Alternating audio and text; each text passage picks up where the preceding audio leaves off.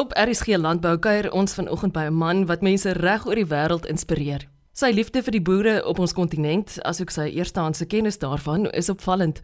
Dis ook deels rede waarom avonturier Rian Manser 5 matrikulante jaarliks op 'n onvergeetlike reis neem. Maar weens COVID-19 reisregulasies, het die jaarlikse onderneming van hom twee reise tot gevolg gehad.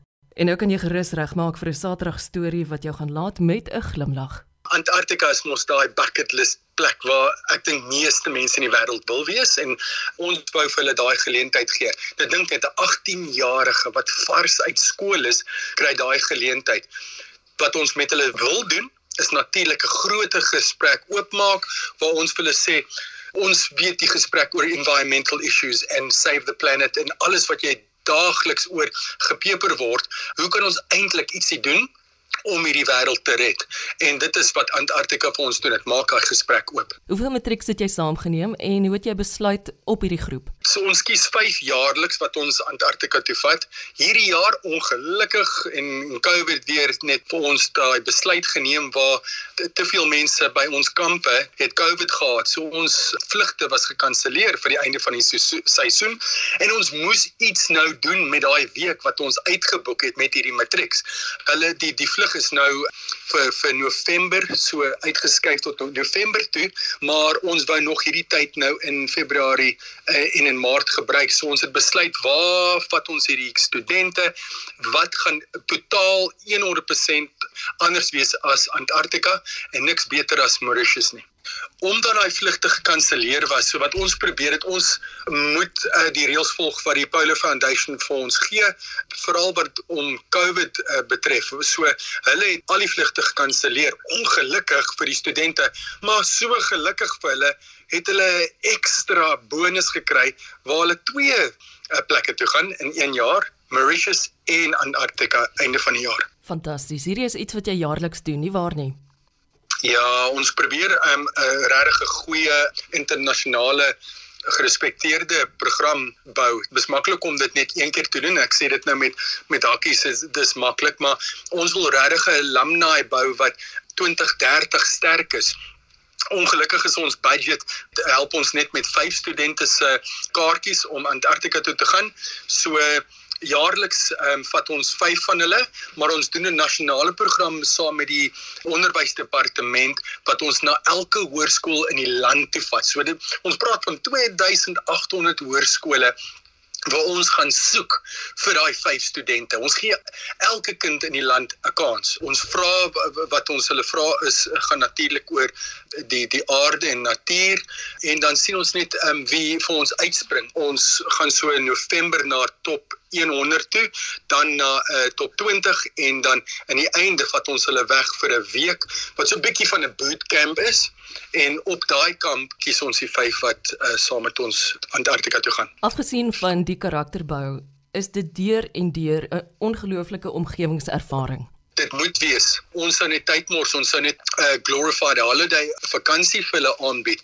Ons moet seker maak dat ons 'n groter, meer volwasse gesprek hou en dat ons nou doen wat meeste mense net oor praat. Regerings wêreldwyd sê the children are our future en bla bla bla en ek ek weet mense hoor dit heel heeldag lank. Maar as ons nou oor eh, die aarde praat en die druk waar onder sy heidaglik is, daai oplossings gaan nie van ouer mense afkom nie, want ouer mense sal down the river is is al dis verby vir hulle die kinders wat nou uit universiteit uitkom en vir hulle loopbane kies moet dit doen met die aarde as die fokus. In hierdie tyd het jy baie geleer weet ek rondom klimaatslim landboupraktyke. Vertel my daarvan.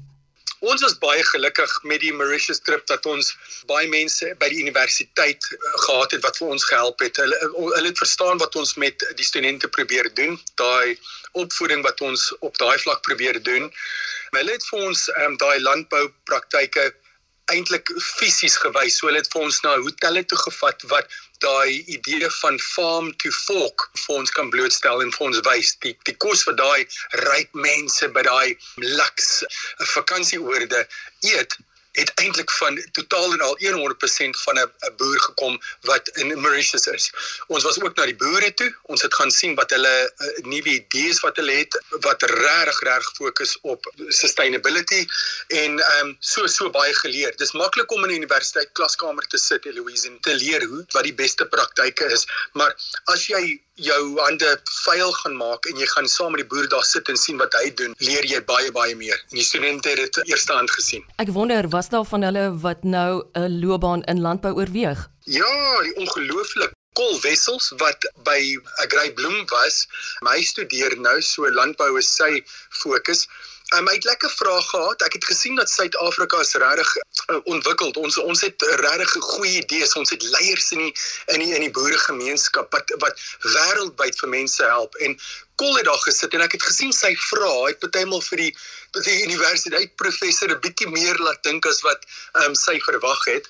Maar ja, Kol definitief en, en definitief uh, die tipe persoon wat ons in die nuwe uh, landboupraktyke wil sien. Daai 18-jarige slim idees en, en energie is wat ons nodig het. Ek hoor julle het nogal baie geleer oor olievermorsing in die oseaan ook. Dit was nou 'n belewenis, sjoe, om op daai kraal te staan en uit te kyk en en te weet dat daai groot skip, daai Japaneese olietanker wat 10 15 meter van ons was, hulle het nou net die laaste stukkie uitgehaal so 'n maand terug. Maar dit was ehm um, 2 jaar terug.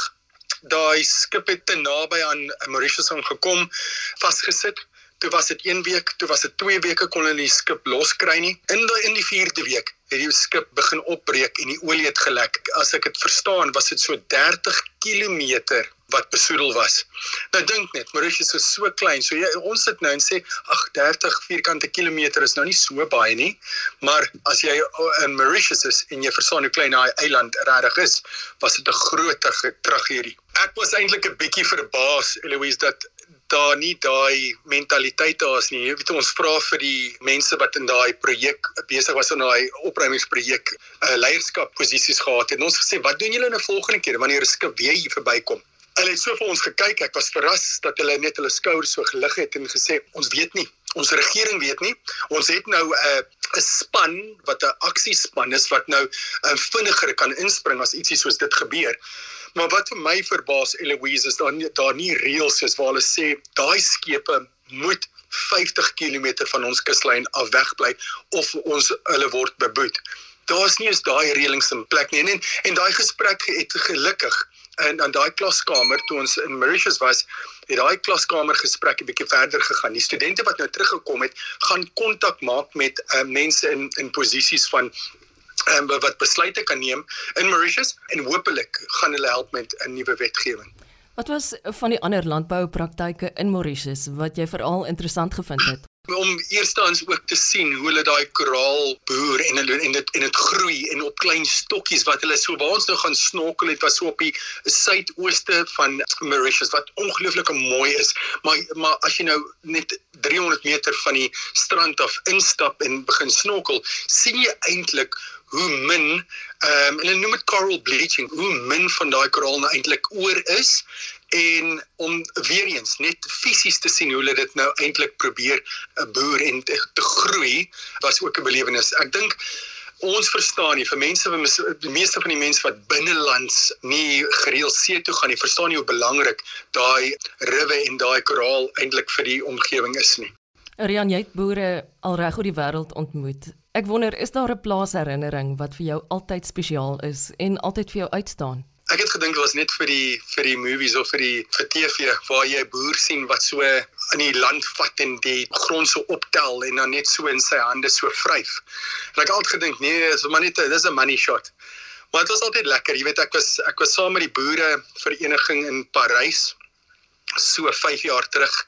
Dit was in die middel van daai erg erg drought wat ons gehad het. Ag in elk geval, ek onthou die boere het so gestaan, ons het buite, ek, ek dink ons het gebraai daai aand. Gestaan ons en dan praat ons oor baie baie ander dinge en en van die boere het ook daai grond so opgetel en daai stof net so in hulle hand ingevryf.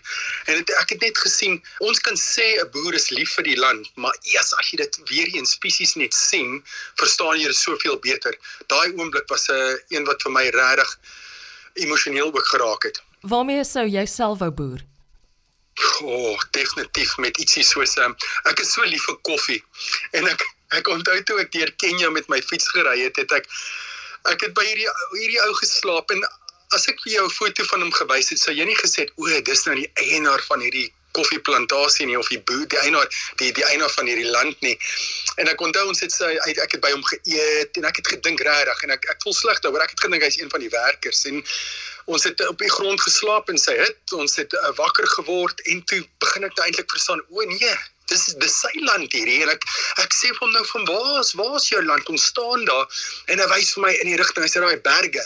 Nou meeste boere doen ook vir jou. Hulle sê nie vir jou my heininge daar nie. Hulle wys vir jou berg of hulle sê vir jou kan jy daai in die in die afstand sien. Dis my land en hy wys toe vir my En toe praat ons nou oor koffie en hoeveel hy sy koffie nou verkoop en toe verduidelik hy vir my hy moet volgens wetgewing sy koffie aan die regering verkoop vir soveel en dan verkoop hulle dit nou na internasionale groepe wat dit by hulle koop en hy maak amper niks nie. Hierdie eienaar van die groot land het op die slaap op die grond in sy eie plaashuis. Maar dit was daai dag toe ek nou gedink het, "Jesus, wil ek met beeste boer, sal dit nou lekker wees." En ek onthou Landbou Weekblad het vir my onderhoud met my gedoen en ook vir my gevra you know waarmee sou jy boer? En dit was daai verandering of skuif van beeste na koffie toe. Maar ek dink net omdat ek so 'n bietjie verslaaf is aan koffie.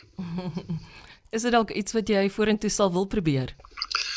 Ag Eloise jy weet ja ek wens dit was net moontlik vir my. Ek dink nie ek het daai geduld nou nie. Ek dink jy moet en en dis waar mense dit nie verstaan nie. Jy praat van 'n jy jy praat van tradisie en jy praat van vierde, vyfde generasies wat nou boer. Ek ek kan dit sien in die mense wat ek al ontmoet het. Ek het nie daai geduld nie en daai daai liefde is so diep wanneer dinge nie goed gaan nie. En daai daai boere kan nog sterk staan en jy kan dit nie eens in sy oë sien dat dit moeilik vir hom is nie. Dit is iets spesiaal en ek ek dink nie ek het dit nie. Boere, Suid-Afrikaanse boere het dit. Wat sê jy daarvan dink as daai twee seuns van jou eendag boer? Jo. Wel ek sal verniet kan vir die res van my lewe kan eet dink ek. So dit sal lekker wees. So my pensioen sal ver gaan. Nee, ek ek, ek sal baie happy wees. Dis dis wat ek altyd gedink het en ek weet mense wat vir my ook ken, verstaan as hulle nou vir my sê, "Wat wil jy hê jou seuns moet doen?" En, en ek doen dit nou nie vir vir show nie. Ek wil hê my seuns moet goeie mense wees. En dis dis eerstens, so as ek nou 'n goeie pa gaan wees, is dit nie omdat ek die regte dinge gesê het nie. Mense gaan dit in my seuns sien as jy nou vir my gesê het my seuns vandag sal jy vir my sê in 20 jaar is hulle boere. Wow, dan het ek 'n goeie goeie werk gedoen met pa wees want ek dink goeie mense word boere. Hoe oud is die tweeetjies nou? James is nou net oor 4 en Samuel is nou 'n hele 1. Twee Yes, energie, leiden seuns. Hulle het ek mense sê vir my hulle natuurlik gaan hulle baie energie hê omdat hulle my seuns is, maar dit is dis uitputtend. Hulle was saam met ons in Mauritius en ek weet nie wat in hulle ontbyt is nie, maar ja, daai seuns is ongelooflik, vier en een heiliglik. Dis wat jy gene noem, Rian. uh, jo, ek dink dis dis eintlik miskien wat ek aan al my onderwysers en onderwyseresse ge, gedoen het oor die jare, nê, nee, dis nou payback time. Rian, daardie Instagram hitsmerk van jou is iets wat ek altyd inspirerend vind.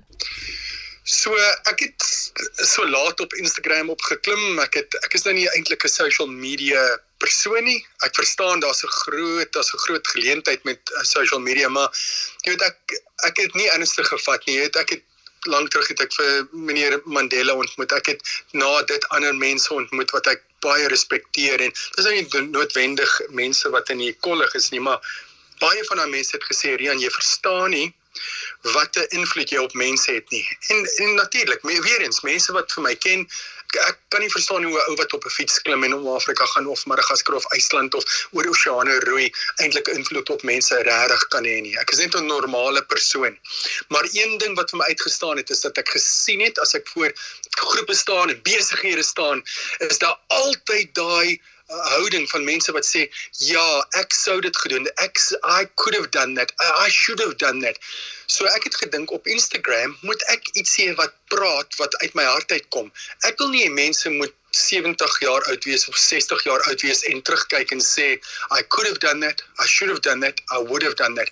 Want dit is that's the talk of losers. So ek het my my handle gemaak I could have, should have, would have om dit net te emphasize om en en 'n fokus op te hê wanneer ek gesprekke met mense het. Avonturier Rian Manster se bydrae op ons program is een wat jy gerus met iemand kan deel. Laai dit af op www.rsg.co.za. Ek is Eloise Pretorius en ek groet jou tot ons binnekort weer saamkuier.